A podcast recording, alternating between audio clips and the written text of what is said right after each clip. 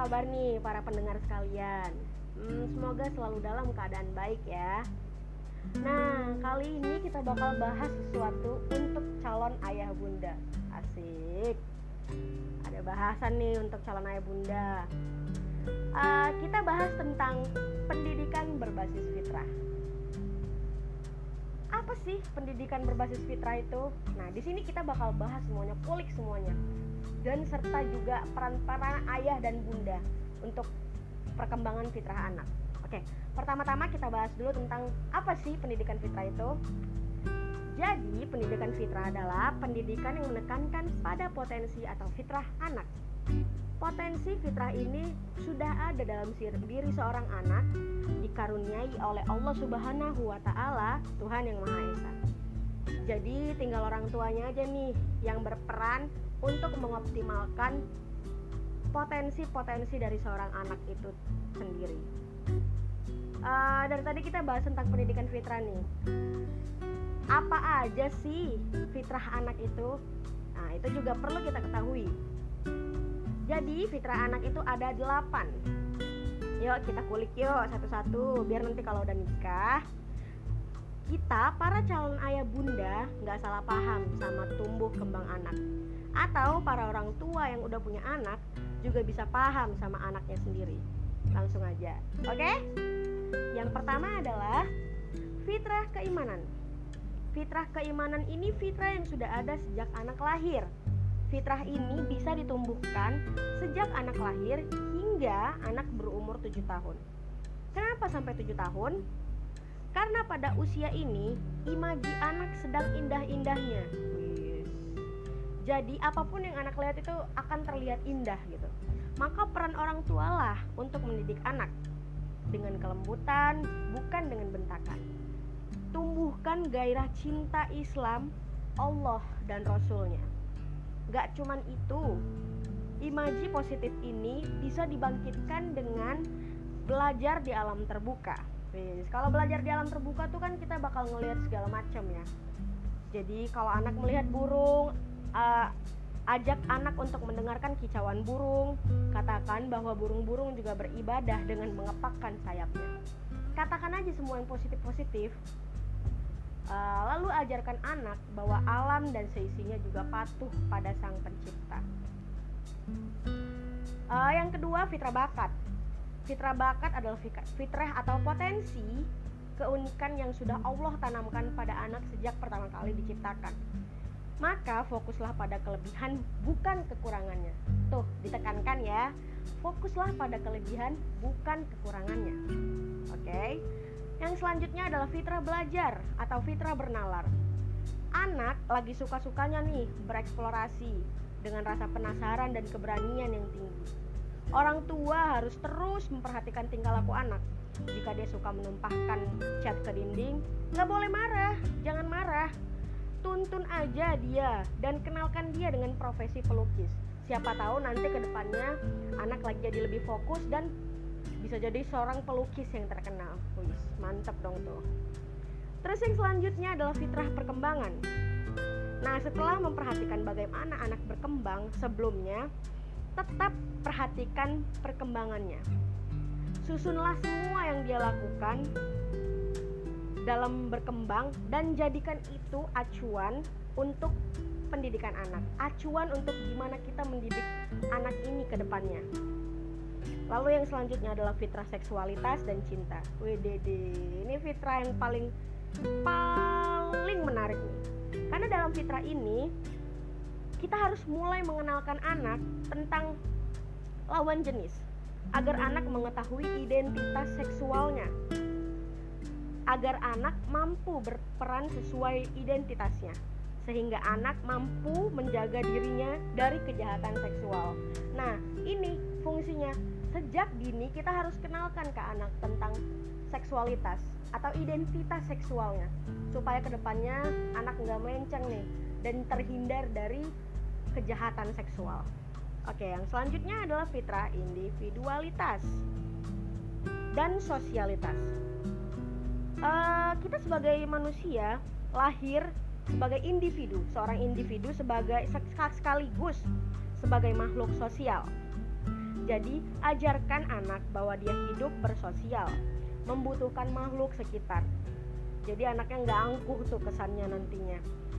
Dan jika sebagai seorang individu ada anak adalah seorang pemalu, nah kalau anak kita nih pemalu nih, nggak apa-apa, jangan dimarahin. Tapi jangan lupa untuk terus beritahu cara bersosialitas yang baik. Oke. Yang selanjutnya adalah fitrah estetika dan bahasa dalam fitrah ini uh, sebenarnya saya setiap anak itu kan udah dikaruniai oleh selera keindahan selera keindahannya masing-masing, keharmonisannya, kesusastraannya, dan seterusnya. Maka tinggal kita kembangin aja nih tentang itu semua. Jadi anak ke depannya mengerti tentang keindahan dan kesusastraan. Oke, yang selanjutnya adalah fitrah fisik dan indera. Di sini anak mulai menyentuh sesuatu yang mereka anggap indah mungkin dengan wah bunga itu bagus tuh. Jadi ada rasa ingin untuk menyentuhnya. Dan indranya juga mulai menerima input yang membahagiakan dari apa yang dia sentuh. Kalau dia melihat bunga itu indah lalu dia menyentuhnya lalu dia merasakan kebahagiaan dalam dirinya. Karena wah dia menyentuh sesuatu yang indah. Luar biasa. Lalu yang selanjutnya um, nggak cuman ada fitrah anak nih ada juga fitrah orang tua. Kita bahas mulai dari fitrah seorang ayah ya. Oke jadi fitrah seorang ayah ada yang pertama a man of mission and vision. Ayah adalah pimpinan keluarga yang membimbing. Jadi wujud keimanannya ada pada visi dan misi hidupnya visi misi ayah adalah visi misi keluarga. Jadi kalau udah menikah, seorang ayah itu visi misinya adalah visi misi milik keluarga juga. Family mission ini kelak menjadi family business and family legacy. Berjuang bersama anak lalu mewariskannya. Jadi apa yang punya, ayah punya harus dia uh, diajarin ke anaknya untuk diperjuangkan bersama lalu nanti akan diwariskan ke anaknya. Yang kedua ada profesionalisme and entrepreneurship builder. Ayah juga dalam berperan dalam membangun profesionalisme baik dalam berkarir, bisnis, dan yang lain-lainnya. Yang ketiga, thinking system builder. Jadi si ayah ini berperan sebagai pembentuk sistem berpikir dan nalar bagi anak dan pasangannya. Gak cuma bagi anak, juga bagi seorang ibu atau seorang istri. Jadi, gimana ayah berpikir, itulah yang akan diturunkan ke anaknya dan pasangannya. Yang keempat, masculinity supplier and education responsibility. Peran ayah sebagai pensuplai maskulinitas sebesar 75% untuk anak laki-laki agar si anak nih bisa jadi tangguh nih dan 20 25% untuk anak perempuan supaya anaknya tidak rapuh. Jadi anaknya nanti kelak ketika besar gak jadi anak yang cengeng gitu loh. Jadi supaya dia lebih kuat lagi. Caranya gimana? Ya dengan membangun kedekatan bersama si anak agar ayah dapat menurunkannya ke anak. Yang selanjutnya, ecosystem and ecosystem builder ayah harus bisa membangun sistem ego melalui self acceptance and self awareness agar anak mampu hidup dalam sosialnya. Jadi ayah yang bertugas membangun untuk membangun ego dari seorang anak supaya dia anak bisa mampu hidup dalam sosialitasnya, hidup bersosialnya. Yang selanjutnya adalah narator peradaban. Jadi si ayah berperan sebagai narator peradaban atau communicator. Ayahlah yang membangun ayahlah yang membangun uh, sikap sopan santun seorang anak dalam berbicara. Ayah juga membangun so, uh, keharmonisan, kedamaian di dalam rumah. Yang selanjutnya family growth and development builder. Di sini peran ayah adalah mengembangkan mindset kedewasaan, serta ketangguhan.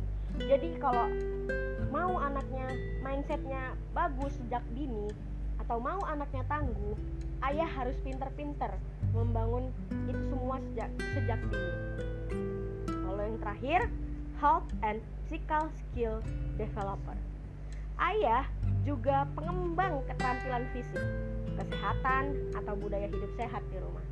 Jadi ayah lah yang mengatur pola hidup anaknya di rumah. Pola tidur pola makan dan sebagainya. Lalu peran seorang ibu apa aja nih? Kalau di ayah aja udah sebanyak itu. Oh tentu banyak juga untuk peran seorang ibu. Kita bahas satu-satu. Tenang santai. Jangan panik. Oke kita bahas yang selanjutnya untuk fitrah seorang ibu. Yang pertama a person of love and sincerity. Asik. Jadi ibu itu adalah seorang sosok sosok yang penuh cinta dan ketulusan. Oke.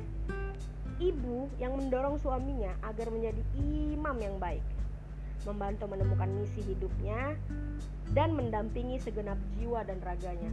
Jadi walaupun tadi visi misi seorang ayah adalah visi misi keluarga, peran ibu juga ada di dalam itu yaitu membantu untuk mencarikan apa sih visi misi hidup seorang suami itu, seorang ayah itu. Yang selanjutnya adalah wisdom and knowledge keeper. Ibu adalah seseorang yang pemelihara kearifan dan pengetahuan di keluarga. Ibulah penyedia sumber belajar, kebijaksanaan dan pengetahuan di rumah. Uh, kalau diibaratkan nih, ibu adalah seorang uh, sebuah perpustakaan berjalan. Yang selanjutnya adalah owner of conscience and morality. Jadi ibu itu adalah pemilik moral dan nurani. Ibu adalah penumbuh nurani dan moral untuk meng, mengimbangi mengimbangi peran ayah sebagai pembangun profesion, profesionalisme bisnis. Selanjutnya uh, femininity, femininity supplier and daily executor.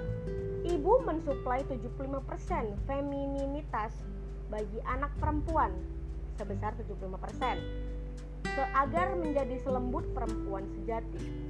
Jadi uh, tugas seorang ibu nih untuk membangun kelembutan dari seorang anak. Dan yang selanjutnya adalah mensuplai 25% femininitas bagi anak laki-laki. Jadi nggak cuma walaupun laki-laki nih, tetap ibu mensuplai 20% femininitasnya untuk anak laki-laki supaya di balik ketangguhan anak laki-laki ini tetap memiliki empati. Jadi kalau empati anak aja udah nggak ada, uh, udah kacau banget dong itu kan.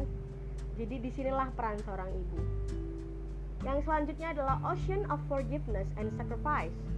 Jika peran ayah adalah sang ego, maka peran ibu adalah sang perawat ego dengan basis pengorbanan.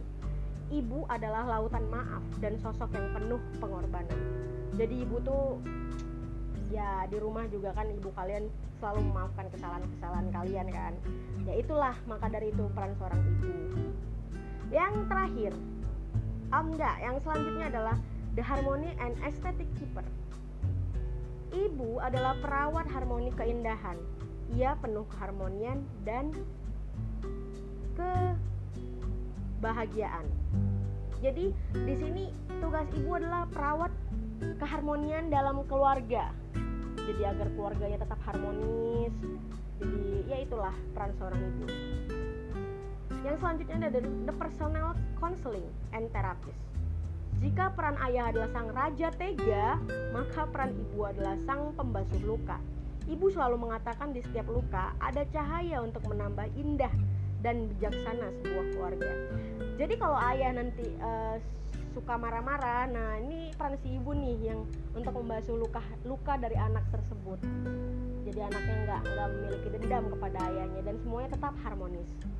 Yang selanjutnya dan yang terakhir adalah health environment, environment and nutrition maker. Ibu adalah seorang penjaga makanan atau gizi yang sehat untuk keluarga. Nah, kalau kalian dimasakin makanan yang enak di rumah, dimasakin makanan yang bergizi, itulah tugas ibu. Jadi ibu memang harus menjaga nutrisi dari uh, keluarganya, untuk ayahnya, untuk suaminya, untuk anaknya, itulah yang harus ibu jaga jadi setelah eh, kita mendengarkan kalian mendengarkan tentang fitrah-fitrah tadi makin semangat nggak nih jadi calon ayah bunda atau untuk bunda-bunda dan ayah-ayah yang sudah menjadi seorang orang tua uh, makin semangat nggak nih untuk membangun perkembangan anak? Jadi usahakanlah untuk membangun perkembangan anak dengan fitrah-fitrah yang ada tadi agar anak dapat bertumbuh dengan baik. Mungkin itu aja yang bakalan kita bahas. Terima kasih sudah mendengarkan. Semoga bermanfaat apa yang saya bahas. Assalamualaikum warahmatullahi wabarakatuh.